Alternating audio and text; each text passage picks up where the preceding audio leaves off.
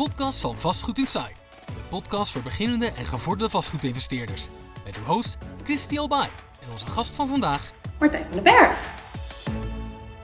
Alweer welkom bij een nieuwe podcast van Vastgoed Insight. En vandaag hebben wij een hele bijzondere gast en ook vastgoedcoach Martijn van den Berg. Yes, leuk om hier te zijn. Dankjewel voor de uitnodiging. Ja, superleuk. Dus vandaag gaan we het hebben over coaching, mentoren en ook een beetje wat jij doet. Dus misschien is het leuk eh, voor de mensen die je nog niet kennen. Ik denk dat heel veel mensen uit de vastgoed al weten wie je bent. Maar voor de mensen die je nog niet kennen, wat je precies doet. En eh, Ik denk dat er ook een hele hoop mensen zijn die, eh, die me nog niet kennen. Dus Oh. eh, voor, die, voor die mensen, nou ja, Martijn van den Berg, eh 40 jaar, vader van een mooie tweeling, getrouwd met Helena, woon in het midden van het land. Ja, en inderdaad, wat je al zegt, ik ben zelf vastgoedbelegger. Eh ben in het vastgoed gerold eigenlijk nadat ik eh nou ja, erachter kwam dat ik helemaal niks van geld wist, niks ervan snapte. Een grote schuld had van 30.000 euro, die wilde oplossen. Toen werd opgelicht. Nou, dat, is mijn, eh, ja, dat is mijn begin geweest van een reis naar financiële vrijheid, een wereld van passief inkomen. Ehm, kijken wat de rijken nou precies doen, wat ik Ja. niet doe. En dan kom je ook al heel snel bij, eh, bij vastgoed uit. Dus Ja. zo is het begonnen. En ondertussen help ik eh, en begeleiden wij eh, vanuit Vrijheid Vastgoed meer dan 1100 Nederlanders over hoe zij ook of financieel vrij kunnen worden met vastgoed, of in ieder geval een tweede inkomen, een passief inkomen kunnen hebben naast een inkomen uit ja, werk of onderneming. super tof. Kan je ons wat meer meenemen in de beginfase, hoe je gestart bent?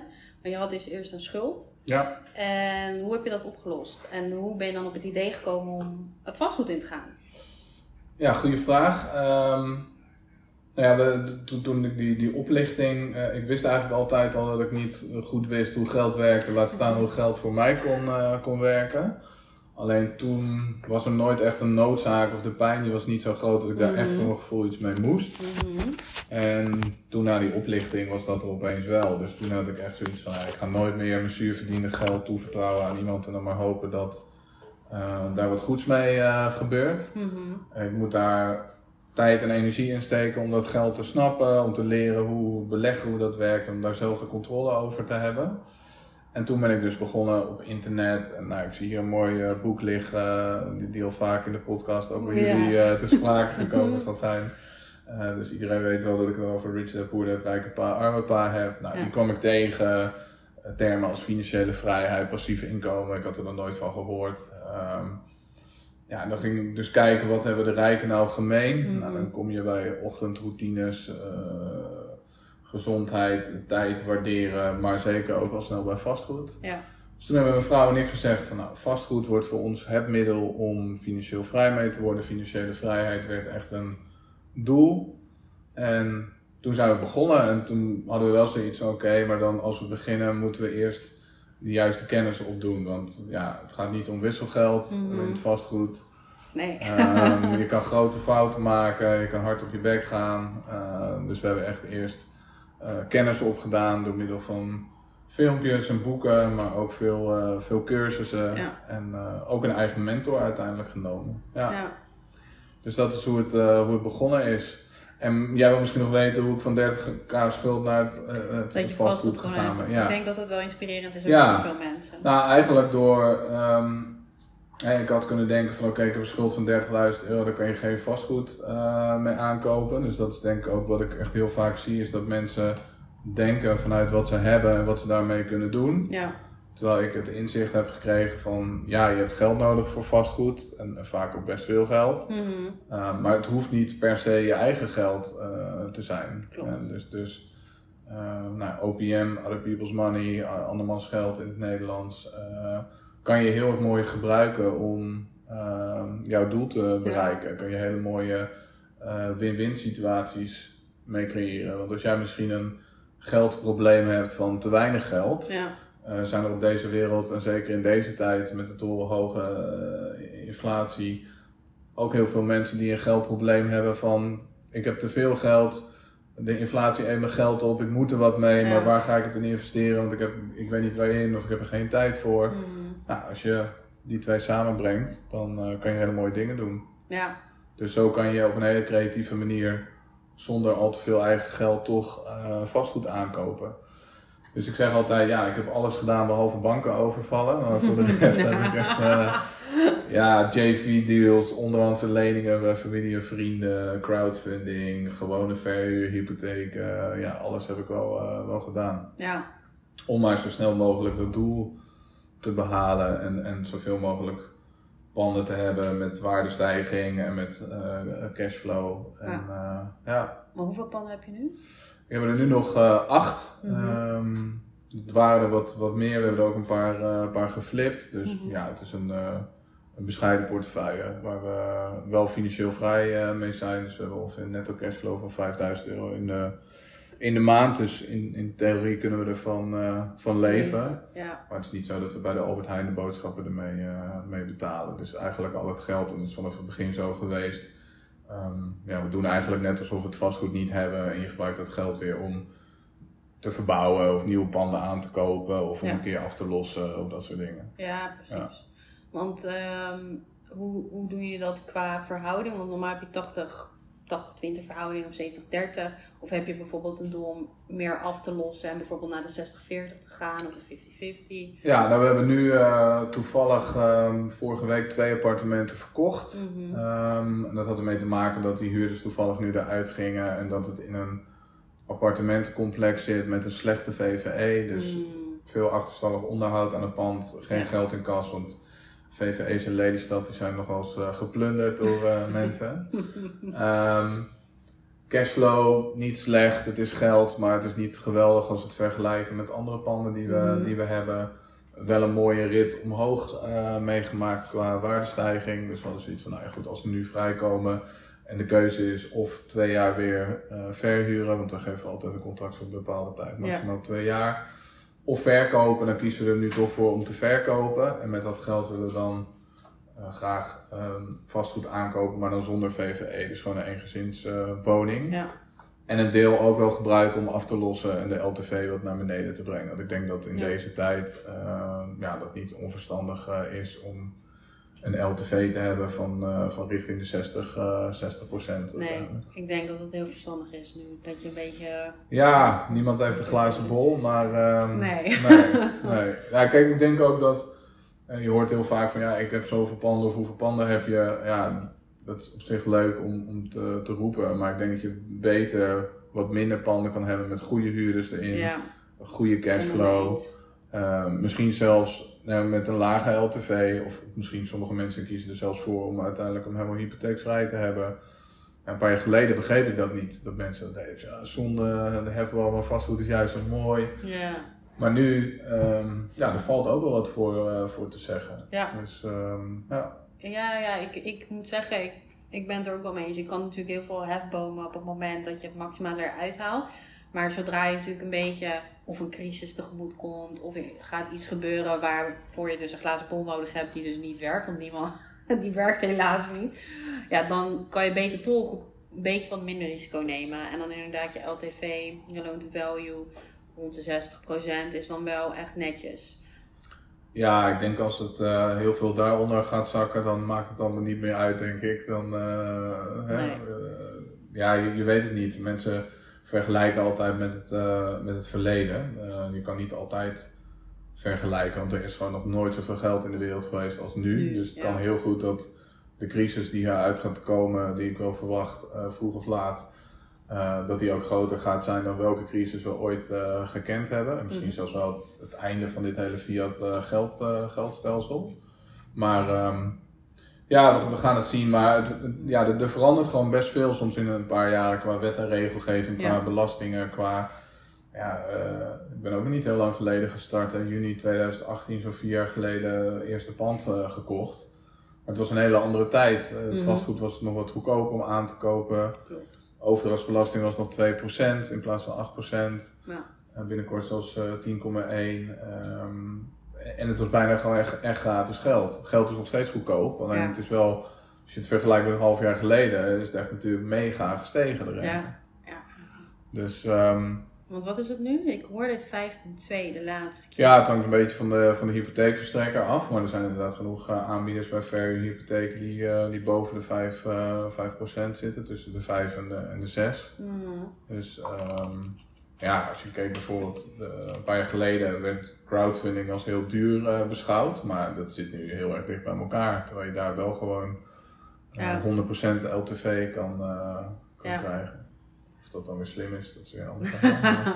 dat kan, is inderdaad een ander verhaal. Ja. En uh, wat ik van jou ook heb begrepen, doe je ook een stukje coaching en mentorship. En je hebt zelf natuurlijk ook een mentor gehad. Ja. Hoe heb je dat ervaren en hoe heb je jouw mentor gevonden? Ja, goede vraag. Ja, ik ben denk wel een van de inzichten die ik uh, gehad heb, is als je iets wil bereiken om iemand te vinden die al uh, gedaan heeft wat jij wil gaan doen, mm -hmm. of die al staat waar jij graag naartoe wil. En um, ja, ik kwam hem tegen op een vastgoednetwerk uh, evenement in, uh, in Utrecht. En um, ik sprak daar tijdens de pauze of na afloop uh, met hem. En, in, in 10 minuten tijd ja, deelde hij zo belachelijk veel kennis en waarde. En ik dacht van, joh, weet je, ik weet niet wat je kost, maar jou moet ik hebben. Uh, we waren toen wel uh, gestart. We hadden toen net ons tweede pand uh, gekocht met onze laatste euro's. En ik had wel zoiets van als ik dat doel sneller wil bereiken, ja. dan um, ja, heb ik wel een, een, een mentor nodig om dat, uh, om dat te gaan doen. Ja.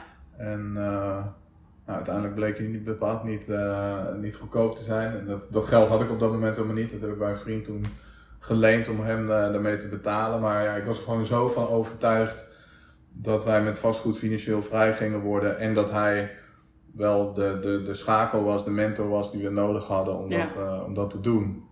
Dus ehm, ja, dat hebben we toen uh, gedaan. En, uh, een traject van een jaar gevolgd bij hem, maar hij is eigenlijk nog steeds mijn, mijn mentor. En hij is ook Ja, heel trots op al zijn uh, mentees, want iedereen is wel op de een of andere manier erg succesvol geworden in het, in het vastgoed. Dus hij spreekt ook vaak nu op evenementen bij ons. En, Superleuk. ja, En qua kosten, waar moet je dan aan denken? Want ik vind dat het een mentor is ook vaak een shortcut naar de weg die jij wil bewandelen. Maar anders moet je alles zelf uitvogelen. Maar een mentor die helpt je natuurlijk ja, om dat sneller te doen. Want die heeft al bepaalde stappen gezet. Die heeft Ja. al veel ervaring. Dus Ja. die kan je gewoon sneller door die route loodsen. Ja, nou ehm, bij hem waren de kosten, moet je denken aan eh 16.000 euro ex-BTW. eh, voor een jaartraject dus. Ik zat er wel dan samen met mijn, eh, mijn partner in. Ja, als je mij een paar jaar geleden dat eh, verteld had, ik, ik had het geld niet gehad, maar ik had je ook helemaal ge- voor gek eh, verklaard. Ja. Ehm, alleen ik denk dat bij dat soort investeringen, kijk vastgoed of aandelen of crypto, daar kijkt iedereen altijd heel erg naar de ROI, de Return on Investment. Ja. Ehm, maar dat moet je juist ook bij ehm, de kennis doen die je zeg maar koopt. Want dat is, je, je koopt de kennis, je koopt een stuk netwerk, Ja. je koopt een, een fast track. Mhm. Het is niet alleen ehm, als je gaat rekenen van oké, dat traject is zo lang en diegene die spendeert dan zoveel uur met mij, dat is dan zoveel per uur, wauw, wat belachelijk duur. Maar zo is het helemaal niet. Nee. Want diegene heeft natuurlijk daarvoor jaren eh, boeken gelezen, podcast geluisterd, eh, zelf allemaal praktijkervaring opgedaan, Ja. fouten gemaakt die jij niet meer hoeft te maken, Klopt. een, een netwerk opgebouwd. En daar betaal je eigenlijk voor Ja. natuurlijk. Dus ik zou bij dat soort dingen vooral zeggen, ehm, ja, als je het echt graag wil en je wil graag ja, volgen iemand die al eh, succesvol is, Ja. Tuurlijk, je kan het ook zelf allemaal gaan uitvogelen. Prima, weet je wel. Ga boeken lezen en, en filmpjes kijken. En, en het is ook niet voor iedereen, het is ook niet per se eh, noodzakelijk. Alleen, ja, ik kan je wel vertellen dat de kans heel groot is voordat jij die puzzel zelf helemaal gelegd hebt, dat je ja, een flinke tijd verder bent en Klopt. aardig wat eh, leergeld hebt betaald, denk ik, onderweg. Wat waarschijnlijk meer is dan die, eh, die 16.000 euro bijvoorbeeld. Ja, en dat is ook vaak wat mensen vergeten. Omdat het natuurlijk een shortcut is, dan horen ze vaak een bedrag van oh 10.000 euro, oh 20.000 euro, oh dat is zoveel geld. Terwijl ik dan bij mezelf denk van ja, het is helemaal, eigenlijk in de praktijk, met wat jij nu zei, is het helemaal niet zoveel geld. Want inderdaad, je betaalt als je het zelf doet leergeld, je tijd gaat erin zitten. Dus terwijl je met een mentor kan je misschien je doel binnen een jaar bereiken. Zonder mentor doe je het misschien vijf jaar over. Heeft het je en geld gekost en veel meer tijd. Dus als je het bij elkaar optelt, dan kost je in je meer Ja, dan een mentor. Ja, het is veel geld, laat dat duidelijk zijn. Je kan er veel dingen voor, andere dingen voor, eh, voor doen. Alleen eh, als je kijkt op de lange termijn en het rendement wat je erop behaalt, dan, dan is dat gewoon echt mega groot. Ik, ik, kan, ik kan de ROI op die investering kan ik niet eens uit, uitrekenen. Want ik ben daardoor in hele korte tijd financieel vrij geworden. Ja, Maar even los van de financiële waarde van financiële vrijheid, dat gaat Mhm. veel verder dan alleen geld natuurlijk. ja, Dus, dus wat is dat jou waard om dat te behalen in je leven? Dat je de keuzevrijheid hebt om te doen wat je wil doen, om tijd te hebben voor jezelf, voor je kinderen, om te reizen. Ehm, ja, en je hebt er le- levenslang heb je er profijt van. Dan kan je daar weer op, op verder bouwen. En Ja. kan je nog steeds gebruik maken van die kennis en van dat netwerk. En, eh, ja. ja. Want heb je nou al jouw panden gefinancierd met OPM? Met Ehm, crowdfunding? Of heb je... Ja, dus, dus eh, we hebben twee crowdfund projecten gedaan die we inmiddels daar wel weer weggehaald hebben en eh, ergens anders hebben ondergebracht, goedkoper hebben gefinancierd. En verder met gewone verhuurhypotheken. eh twee joint venture deals, dus waarbij we nou zelf 0 euro hebben ingelegd en de andere partij het geld heeft ingebracht terwijl wij al het werk hebben eh, gedaan. Ja. Ehm, ja, dus op die, eh, op die manier. Maar dat willen we nu dus wel ja, iets gaan, eh, gaan afbouwen. Ja. ja, want heel veel mensen vergissen zich vaak in dat als je gewoon bepaalde kennis hebt en je hebt dat netwerk, dan kan je in principe met nul inleg, kan je met een investeerder gaan werken. Ja, Want je hebt mensen die hun, waarvan hun geld op de bank staat en die, die geld moeten betalen over hun geld in plaats van dat ze er geld mee verdienen. ja, Dus ja, die zijn alleen maar blij zijn. Dan komt aankloppen van, hé, hey, ik heb een leuke deal voor je. En ik kan ervoor zorgen dat en jouw geld geparkeerd staat en dat je daar niet over hoeft te betalen. ja, En dat je ook nog eens geld verdient. ja. Nee, dat, dat vergeten we. En de- die inflatie die we nu hebben, die echt torenhoog eh, is, eh, die raakt iedereen. Ja. Eh, Mensen die geen geld hebben, die zitten in de stress van... Yo, hoe ga ik alles betalen met de energie en de benzine en de boodschappen? Eh, maar vermogende mensen die kijken naar hun bankrekening en die denken: ehm, ik, ik moet elke keer, elk jaar weer vermogensbelasting betalen. Ehm, de, ik, ik betaal negatieve rente bij de bank als mijn eh, spaargeld hoger is dan eh, x bedrag. Ja, En de inflatie die eet mijn geld, eh, mijn geld gewoon, gewoon op. Dus ehm, ja, ja dat is wel pittig inderdaad. Ja, ik ben heel benieuwd waar het heen gaat. Ook vooral met Nederlands vastgoed. Omdat er best wel wat veranderingen aankomen natuurlijk. Met meneer de Jonge, met zijn wilde plannen. Dus, ja wat, wat verwacht jij? Eh, gaat dat realiteit worden? Of, eh, Nou, de plannen liggen er wel dat dat punt, eh, puntensysteem aangepakt wordt. Dus ik verwacht wel dat dat er doorheen komt. Ik had het ook al met onze jurist erover, van onze advocaat waarmee we altijd werken.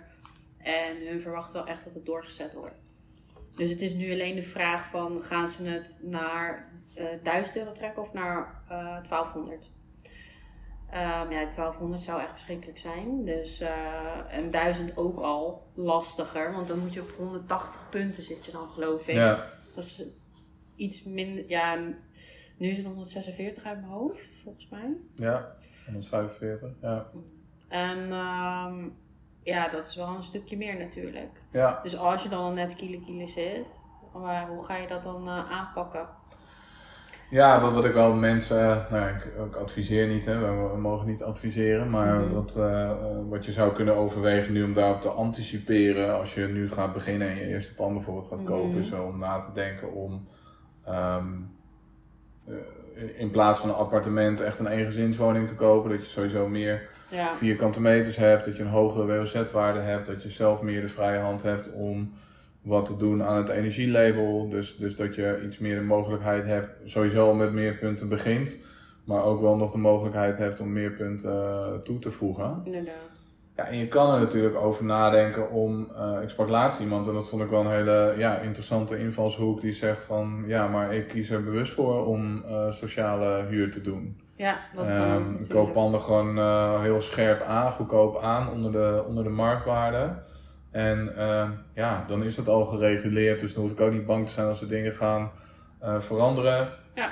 Mijn huurders die krijgen huursubsidie, dus daarmee heb ik eigenlijk veel minder last ook van, van, van wanbetalers. Dus ja, daar valt ook wel wat, eh, wat voor te zeggen. Dus Ja. ehm, Maar rendement ligt misschien wel iets lager daar, denk ik. Ja, dan heb je wel inderdaad uh, wat lagere uh, rendement. Dus dan heb je wel misschien wat meer woningen nodig om hetzelfde resultaat zeg maar, te, te Ja, behalen. Maar precies. ja, als jij uh, het spel van de grote getallen, van de aantallen speelt, dan kan het uh, ook interessant zijn wellicht. Ik vond het in ieder geval wel verfrissend, omdat wij ook altijd zeggen van hey, je moet in de, in de vrije sector, want alleen dan kan je Ja. een goed rendement maken. En, ja. Maar we gaan het zien uh, met, uh, met Hugo. Ik denk dat hij al genoeg kapot gemaakt heeft in Nederland. maar ehm, Oh. het is kennelijk nog niet, nog niet Het afgelopen. was nog niet genoeg. Nog niet Hij genoeg. wilde er nog eventjes een keer Nee, maar ja, ik denk gewoon dat als je gewoon kijkt naar het, naar het verleden met een, een overheid die zich te veel bemoeit met het, eh, met het vrij economisch verkeer en met het reguleren van een, van een, van een woonmarkt. Ja. Eh, kijk, eigenlijk hebben zij maar één ehm, functie natuurlijk als overheid en dat is dat iedereen een, een, een mogelijkheid heeft om betaalbaar een woning te kopen Ja. hier in Nederland die dat zou, zou willen. Mhm. Uh, maar als je nu kijkt naar uh, met welke maatregelen ze dat proberen te doen. Er wordt al zo lang geroepen van ja, dit jaar gaan we 100.000 woningen gebe- gaan we bouwen. Maar het gebeurt niet, weet je wel. En nu zeggen ze, waarom zou het nu dan opeens wel uh, gedaan worden? ja. Of uh, nou ja, kijk, kijk eens naar de hypotheekrente aftrekken, stop daar eens mee. Of uh, de verhuurdersheffing die grote wooncorporaties betalen, waardoor het voor hun helemaal niet meer interessant is om, om bij te bouwen. Mhm. Um, en in plaats daarvan ja, wordt vanuit de overheid en de media heel erg de belegger als de schuldige aangewezen van deze wooncrisis om gewoon hun eigen um, ja, falen te, te verdoezelen, zeg maar. Ja, ik Ja. kan me er echt wel, uh, wel Boos wel maken. boos over maken. Ja. Ja. Nee, snap ik ook wel. Hè. Ze maken er ook wel een potje van. Want wij doen natuurlijk voornamelijk ook beheer en verhuur. En we merken wel dat de markt echt aan het shiften is. Dus zoveel vraag naar verhuur. En ja, dat wordt straks alleen maar lastiger. Ja, want uh, eigenlijk de hele het middenhuursegment, dat, dat, dat, dat gaat verdwijnen. Ja, Dus um, hè, het is niet zo dat uh, beleggers, ja, sommigen die zullen misschien niet gaan beleggen of hun beleggingswoningen uh, verkopen, maar ja, hoe je het went of keert, er is vraag naar huurwoningen. Ja. Uh, jongeren, ouderen, expats die gewoon flexibel willen zijn, die willen gewoon graag tijdelijk wat, wat huren. Ja. En niet iedereen kan of wil kopen. En die hele vrije sector waar het altijd over gaat, ja, die is al zo klein in Nederland. Als je kijkt wat het was na de Tweede Wereldoorlog bijvoorbeeld, toen was het 52 procent. Ik geloof nu nog, nog 7 procent. ja klopt inderdaad. Ja. 1 procent van alle woningen wordt boven de 1000 euro per maand uh, verhuurd. 1 procent. Uh, waar, ja, waar, waar heb je het dan, uh, dan ja, over? en dat willen ze gaan aanpakken. Ja, en dan ja, zijn ze misschien in de opinie voor de, de, meeste mensen ja, goed bezig. Want ja, beleggers, dat is het kwaad en de, Ja. de, de, de, oorzaak. Alleen ja, die hele woonmarkt, voor zover die nog niet belachelijk vast zat. Mm Want studenten die blijven te lang in studentenwoningen zitten. Ja. Ouderen blijven te lang in, in grote eengezinswoningen zitten. Ja, niemand kan een kant op. Ja, dat, dat wordt alleen maar erger. Dus um, Ja. ja, ik, ben, uh, ik, ik, ik, hoop dat het niet doorgaat. En niet zozeer vanwege de beleggers, want echte beleggers gaan toch wel door. Ik bedoel, er is altijd uh, zijn er mogelijkheden geweest. En vastgoed beleggen is net ondernemen. Nou, als ondernemers één ding goed zijn, dan is het altijd wel een weg vinden. Dat weet je zelf ook. ja, creatief zijn. Binnen de regels die er zijn om Ja. toch je ding te kunnen doen. Ja. Uh, alleen de manier waarop verandert dan misschien. Mhm. Maar um, ja, vooral voor de mensen juist die het echt raakt. En dat is die hele. Want het, het gevolg is juist dat, dat die huursector verschuift en dat die woningen bijvoorbeeld dan toch alleen maar duurder worden of um, illegaal aan, aan uitzendbureaus en, en internationale medewerkers Ja. verhuurd gaan worden, omdat de enige plek is waar er nog goed rendement gemaakt kan worden. Dus ja. Ja, wat je nu ook ziet in Amerika is dat ze veel meer gezinswoningen maken. ja. Dus het zou ook misschien wel naar Nederland kunnen komen. Ik denk dat dat op zich ook wel interessant is. Vooral als je dat gaat, zou gaan verhuren. Ja. Dan voldoe je altijd aan de puntentelling. Heb je daar geen gezeur over. Ja. en je hebt twee gezinnen in je woning dan. ja. Of meer. Dus uh, Hugo, als je kijkt, niet doen. nou, ik ben benieuwd of je het kijkt en of je het dan ook echt doet. ja. nee. Nee, ja, het lijkt mij niet een, uh, een heel goed, uh, goed, uh, goed idee. Ik denk dat er genoeg andere dingen die ze, zijn die ze kunnen doen. En kijk, ook als je bijvoorbeeld kijkt naar die maatregelen die ze genomen hebben met het verhogen van de overdrachtsbelasting. Ja, het klonk allemaal heel leuk. Van ja, nee, de starters hoeven geen overdrachtsbelasting meer te betalen. En daarmee maken we het voor hun, uh, hè, dan helpen we hun, maken we het makkelijker. En nou ja, we moeten wel die belasting hebben, dus ja, dat gaan we dan compenseren. Dat mag de belegger dan gaan betalen, die gaat naar 8%. Nou, in de praktijk, wat gebeurde er? Die, die 2% overdrachtsbelasting die de starter niet hoefde te betalen, uh, die gebruikten ze om hun bod uh, te verhogen, waardoor de huizenprijzen nog verder omhoog uh, gedreven werden. Waardoor die woningen nog steeds zo onbereikbaar waren als, als daarvoor. Ja. Um, dus, dus ja. Ik denk dat een heleboel ook gewoon een kwestie is van logisch nadenken. Daar hoef je echt niet voor gestudeerd uh, te hebben. Maar het schijnt toch, uh, ja, ik weet niet wie dat allemaal verzint. Maar... Schijnt het nogal lastig te vinden om iets goeds te bedenken. Ja, nou ja goed, het beste stuurluisteraar misschien aan, aan wel. Ik zou niet graag minister willen zijn of in de politiek willen zitten. Want ik denk dat je het nooit goed kan doen. Maar, uh, nee, dat is ook waar. Ja. Mensen hebben altijd een mening en dat zullen ze altijd hebben. Of je het nou goed doet of niet. Iemand zal toch wel iets vinden over je om over te zeuren. Ja, Misschien kunnen ze ook een, uh, een mentor nemen. Ja, wow. ja, dat zou beter zijn voor ze. Ja. oh, oh. Ja, en uh, jouw uh, mentor die is nu natuurlijk nog steeds uh, jouw mentor. Wat is nou echt de meest waardevolle les die je van hem hebt geleerd? Ja, hij is nog steeds mijn, mijn, mijn mentor. Ik zit nog steeds in een appgroep samen met hem en andere, andere mentees. Mm -hmm. En hij vindt het heel leuk om ons allemaal te, te, te zien groeien en nog steeds kennis en waarde te delen. En ik vind het ook super gaaf om zijn reis te zien en te zien dat hij steeds groter gaat. Hè, want hij is ook echt van de kleine woningen in, uh, in Rotterdam en omgeving overgestapt nu naar hele grote uh, uh, transformatieprojecten van hotels en dat soort dingen. Um, en hij heeft nu geloof ik 55 ja, gewoon panden. Um, ja, de, de grootste les die ik van hem geleerd heb is. Hij is voor mij echt de belichaming van, uh, van Rich Dad Poor Dad, van, van Robert Kiyosaki. oh, ja, dus, dus alles wat ik in dat boek gelezen had, zag ik dat hij dat echt met succes uh, toepaste. Dus uh, ja. daardoor. en dat boek vond ik al fascinerend om te lezen. Ik ben normaal gesproken absoluut geen lezer, maar die had ik echt heel snel uit. Maar doordat hij het echt deed en ik dat zag dat het werkte, toen dacht ik, hé, hey, deze shit die, die werkt echt, dit is ja. interessant, weet je wel. Dus dan heb ik het over uh, nou, joint venture deals, daar is hij wel echt uh, de koning in, mm -hmm. mijn, uh, mijn mentor. Um, OPM, Other People's Money, dat, dat gebruiken. Um, en vooral het stuk mindset. Ik denk dat het meeste dat ik nog van hem geleerd heb, niet zozeer is van wat hij verteld heeft of gedeeld heeft qua kennis, mm -hmm. maar vooral wat ik door met hem om te gaan en de manier waarop hij dingen vertelde, of door naar hem te kijken en te zien hoe hij bepaalde dingen deed, Mm. uh, dat ik daar het meeste aan, uh, aan gehad heb en van geleerd heb. Ja. Dat is echt heel tof. ja, zeker. En ik denk dat dat misschien ook de, de echte rol is van een mentor, is niet zozeer de, de kennis, maar dat je gewoon echt letterlijk een, een, een rolmodel uh, hebt. Ja. En uh, nou ja, goed, vastgoed beleggen is niet iets wat de meesten van ons uh, op school vanuit huis uh, meegekregen nee. hebben. Dus dan is het goed om iemand te zoeken die dat, ja, die dat wel weet en kan. Ja. Maar ja, ik zou zelf, want jij bent zelf natuurlijk ook nog actief als coach. Ja. En daar zou ik ook nog wel wat meer over willen weten. Want hoe ziet zo'n coachingstraject bij jou er dan bijvoorbeeld uit?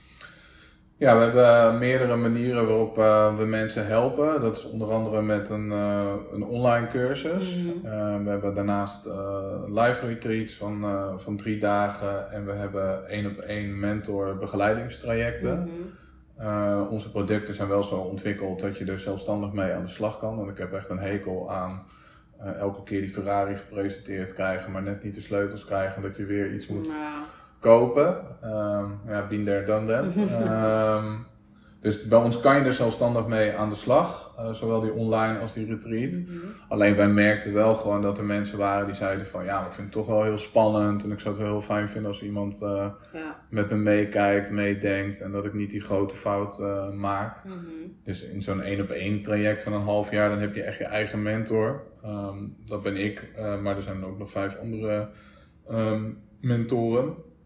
Ja, en dan uh, rekenen we echt deals met je door. Gaan we mee naar een bezichtiging. hebben we echt praktijkdagen en dan garanderen we ook dat je minimaal één pand gaat aankopen tijdens dat eh, traject. Ja. Mits je aan onze criteria voldoet, want wij zijn niet een partij die zeggen van vastgoed is makkelijk, iedereen kan het, kom bij ons en je bent binnen een paar maanden miljonair. Als je dat wil, dan moet je niet bij ons zijn. Nee. Ehm, dus we hebben wel bepaalde criteria daarvoor om eh, je toe te laten in het, eh, in het traject, maar dat is dus een eh, vervolg. Ja. Ja, dus ehm, ja, en de begeleiding die we geven, dat is dus aan de ene kant met, met kennis en daarnaast ook met ehm, veel documenten, stappenplannen, rendementsberekeningen, coaching calls. Elke Mhm. week kan je je vragen stellen aan ons, hopelijk ook snel je successen delen, dat is natuurlijk voor iedereen leuk. Ehm, live evenementen, dus ja, je moet het zelf doen.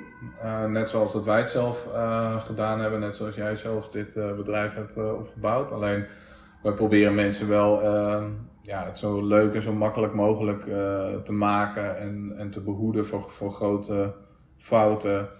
En vooral ook een leuke en inspirerende community te bieden van mensen die met hetzelfde bezig zijn. Ja. Want um, ja, ik weet niet hoe jouw familie of vrienden reageren als je het over vastgoed beleggen hebt, maar niet iedereen Ja. is daar even enthousiast over of begrijpt het wat je aan het doen bent. Dus het is soms wel lekker als je een keertje niet Ja. hoeft uh, te verantwoorden waarom jij ja, Doet wat je doet. doet wat je doet. Ja.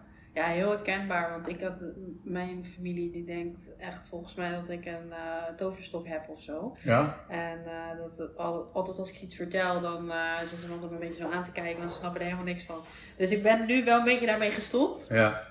Um, en ook gewoon puur omdat, ja, het is gewoon een hele andere wereld als je gewoon in de red race zit, om maar even zo te zeggen, of gewoon in een andere bubbel, dan kan je dat niet met elkaar vergelijken.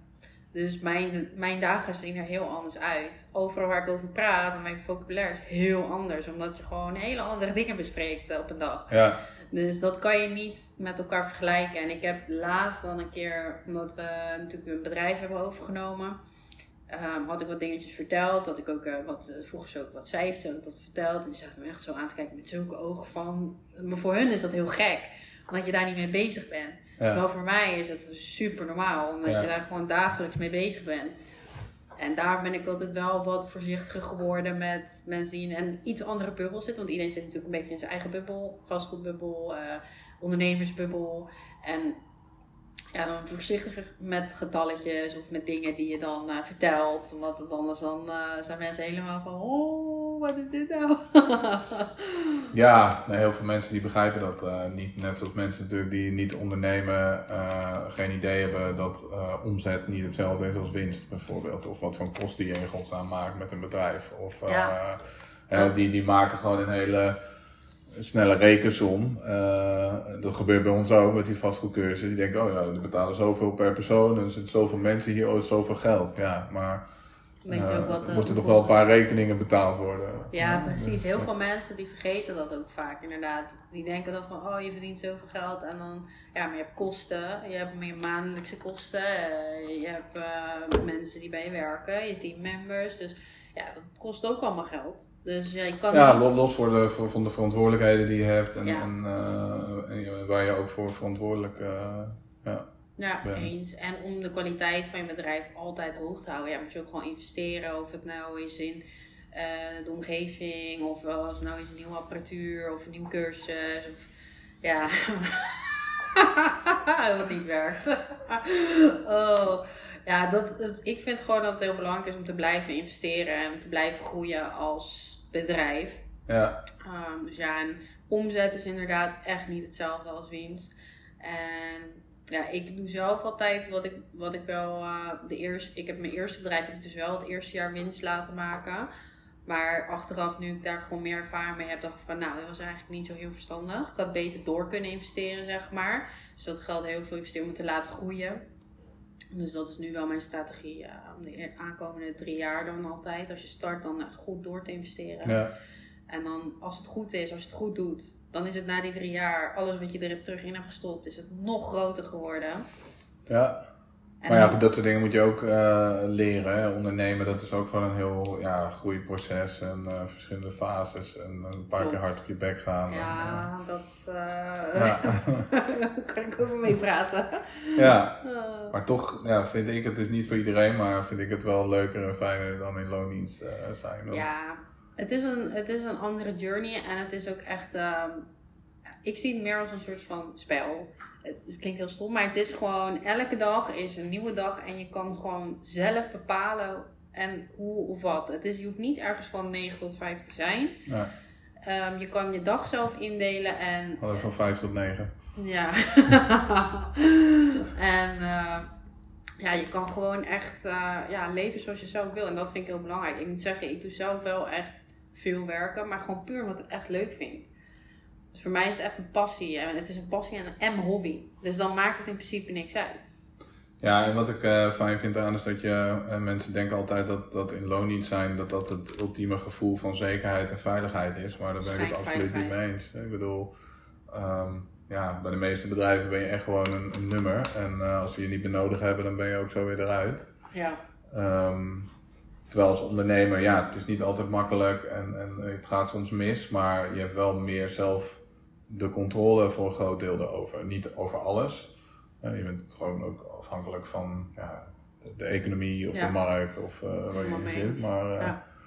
er zijn toch best wel wat knoppen waar je op kan, eh, kan drukken. ja. Dus, Ja, en het geeft naast vrijheid ook gewoon, je kan je eigen bubbel creëren. Dus je kan, in ieder geval mijn idee was altijd eh, om echt iets te creëren wat ik heel leuk vind. ja, En dat ik echt met plezier erheen ga met de mensen die ik echt heel leuk vind. Dus waar ik echt van kan genieten. En ik ga niet, ik ga niet per se alles doen om geld, maar meer om het geluksgevoel. Ja. Want Dat is wat, wat ik heel erg heb geleerd. Want ik doe nu al best wel lang ondernemen.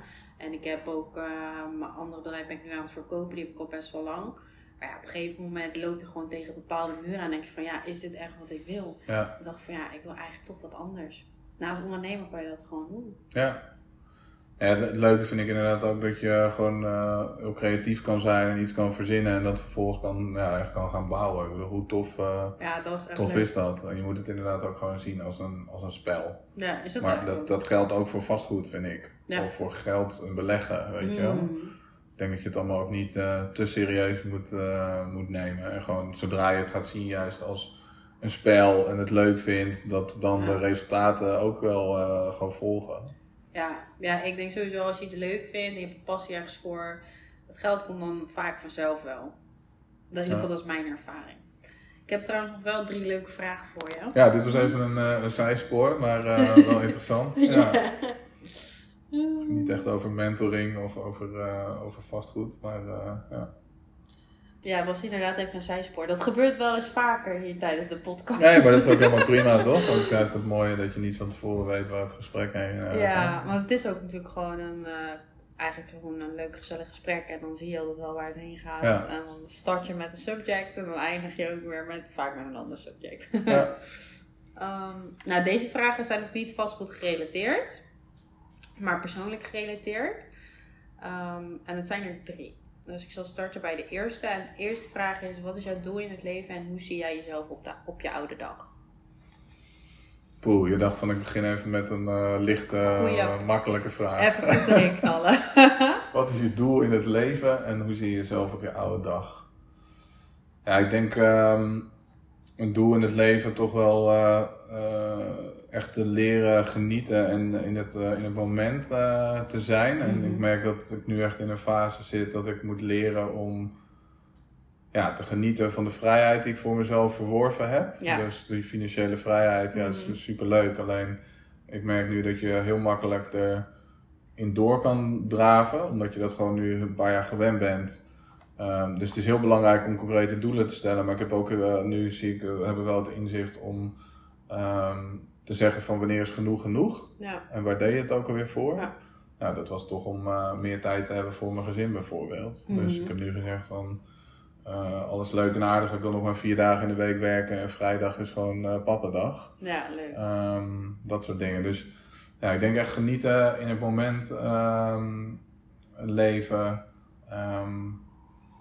En leuke dingen doen samen met de mensen met, om, om wie ik veel geef. Met, met mijn gezin, met, mijn, met ons team, met uh, vrienden, familie. Um, genieten van mooie reizen, van eten, daar maak je me heel blij mee. Ik ben niet echt van de, uh, van de auto's of de, dat soort dingen. Niet heel erg materialistisch. Maar um, ja, ik denk als ik uh, op mijn oude dag denk van ja, ik heb echt uh, toffe dingen gedaan in het leven. Ik wou ondernemen, ik ben een goede vader geweest. dan denk dat ik het goed, goed gedaan heb. En dat ik tevreden de ogen sluit. ja. Nou, mooi. Dan uh, ga ik je de tweede vraag stellen. Het is natuurlijk niet echt je job, maar meer een hobby, denk ik, en je passie. Wat vind je het leukst aan wat je doet? Dus je job, je werk. Ja, dus niet het, het, het vastgoedbeleggen zelf, ik privé doe, maar het, de vastgoededucatie. Ja. Die we, wat ik het leukste vind en waarvoor ik elke dag opsta en, en is, is om um, andere mensen te mogen helpen. Want ik zie het echt als een fantastisch voorrecht om dat te mogen doen. Ehm, om, ehm, om financieel vrij te worden in het leven. En dan niet zozeer financieel vrij, maar vrij te worden dat ze uh, de keuzevrijheid hebben om vervolgens het leven op hun eigen voorwaarden te leven. Dat ze de mogelijkheid hebben om eerder te stoppen met werken of helemaal te stoppen met werken als ze dat willen. Als, um, omdat ik er heel erg in geloof dat als mensen uh, niet meer dingen doen vanwege dat stomme geld. Want ja, zo zie ik het soms. Geld, oh, ik hou van geld, ook ik heb een goede relatie met geld. maar ja, je ziet toch dat het heel vaak ook oorzaak is van ruzies. Of mensen raar, de raarste dingen doen voor 5 euro.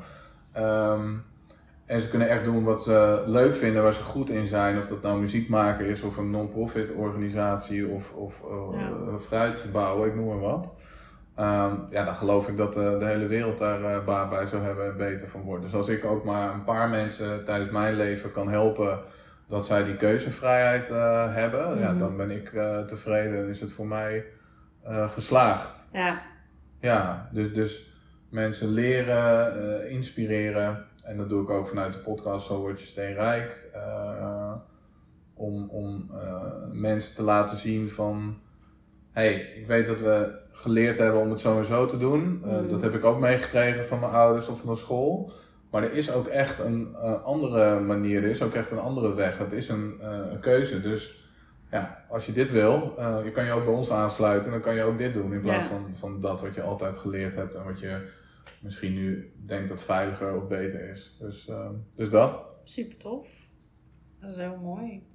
Ik denk ook dat het helpen van anderen je altijd wel een heel fijn gevoel geeft. Dat je toch kan, ja, dat je iets bijdraagt aan een andermans geluk.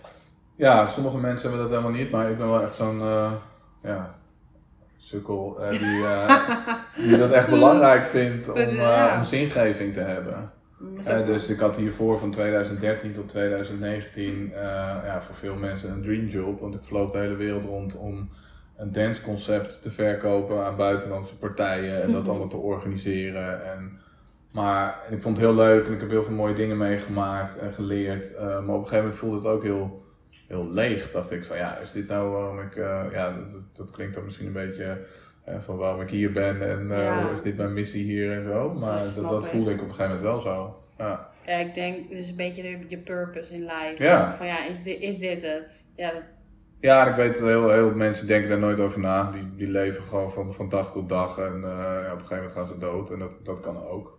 En soms denk ik ook wel eens, goh, het zou toch ook wel heel makkelijk en lekker zijn. Gewoon, als je zo uh, kon denken. Achter de kast gaan zitten. En, ja, oh. maar zo zit ik helemaal niet, uh, niet in elkaar. Dus ja. Nee, ik kan, soms dan, ja, als je hoofd dan alleen maar met dat soort dingen, wat is je purpose, je wil echt iets geven. En ja, ik herken dat ook wel. En dan soms denk je van, was het maar simpeler geweest. Maar ja, als je zo niet in elkaar zit, dan wordt het een heel lastig verhaal. Ja. Wat is jouw uh, purpose dan, als ik een vraag terug mag stellen? Ja, mijn purpose is ook eigenlijk wel een beetje hetzelfde als wat jij net vertelde. Echt dat mensen helpen en uh, ja, het veranderen van mensen hun leven in positieve zin. Dat is iets wat mij heel veel energie geeft, wat ik super leuk vind om te doen. En dat ook met de bedrijven, zeg maar. Dus bij mij staat kwaliteit gewoon echt voorop. In alle facetten binnen mijn bedrijven. Want ik denk juist door het leveren van kwaliteit in plaats van kwantiteit, zal, je al, zal het altijd goed gaan. Dus de kwaliteit in de zin van hoe je mensen behandelt, van beide kanten. Dus als je dan kijkt nu naar beheer en verhuur. Dus de huurders en de verhuurders. Dus dat je zorgt dat ja, het doel ook van jouw klanten bereikt wordt. Dus de, de verhuurder wil gewoon optimaal rendement. Dus dat je echt je best doet om dat zo hoog mogelijk te krijgen en daarin meedenkt. Dus dat je gewoon heel servicegericht bent. Ja. En ik denk ook, zeg maar, dat uh, ik heb natuurlijk ook ben ik bezig met een ander coachingstraject, met limited uh, lifestyle coaching. En daar wil ik mensen echt van hun huidige situatie naar hun gewenste situatie uh, brengen. En in dat door heel veel zelfonderzoek te doen en de juiste vragen te stellen. Want heel veel mensen stellen zichzelf gewoon niet de juiste vragen. Omdat nooit wordt verteld dat vragen stellen nog veel belangrijker is dan vragen beantwoorden. Want als jij niet de juiste vraag kan stellen aan mensen, dan kan jij zelf ook niet groeien als persoon. Want hoe ga je anders leren van iemand anders, een mentor of een vriend of een zakenrelatie? Ja. Dus ik schat dat wel altijd als heel belangrijk. En ik heb gewoon aan mezelf heel erg gemerkt dat hoe meer mensen ik help, hoe gelukkig ik daarvan word. Dus dat is wel mijn purpose in life, is wel echt voor mezelf dan vrijheid creëren en de mensen om me heen. En um, ja, gewoon zoveel mogelijk mensen kunnen leren hoe je echt in vrijheid kan leven en hoe je echt gelukkig ook kan zijn. Ja. Want ik heb een super goede band met geld en ik hou van geld, maar geld is niet alles. Er komt veel meer bij kijken dan alleen geld om echt gelukkig te zijn. En ik denk dat financiële vrijheid is wel een van de tools om een soort van vrij te voelen. Dat je je lekker kan bewegen en dat je weg kan wanneer je wilt. Maar als jij niet weet hoe je gelukkig kan zijn, dan ga je dat ook niet goed gebruiken. Nee. Dus dan kan je wel heel veel geld hebben, maar dan kan je gaan huilen in je Ferrari. Ja. Natuurlijk hou je liever in je Ferrari dan in je Toyota. Ja, dat, dat snap ik allemaal wel. ja. Dat snap ik allemaal wel. Maar ja, je moet wel ook weten hoe je dat kan inzetten. En daarom is het belangrijk om te weten wat wil je in het leven, wat wil je bereiken, wat zou je achter willen laten.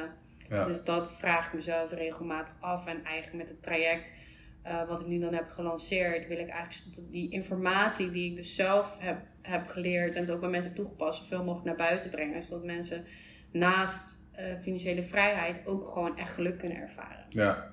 Ja. Ik denk dat dat een van de belangrijke factoren is. Dus nee, zeker. Denk een beetje dezelfde purpose, beetje, ligt een beetje in lijn ook. Mensen helpen is eigenlijk waar het op neerkomt. Ja, ja, dus, ja, maar dat zie je heel vaak, hè, dat, dat, dat, dat, het uh, doel hetzelfde is, alleen het middel uh, ja. anders. De weg inderdaad, en dat is dan iets anders.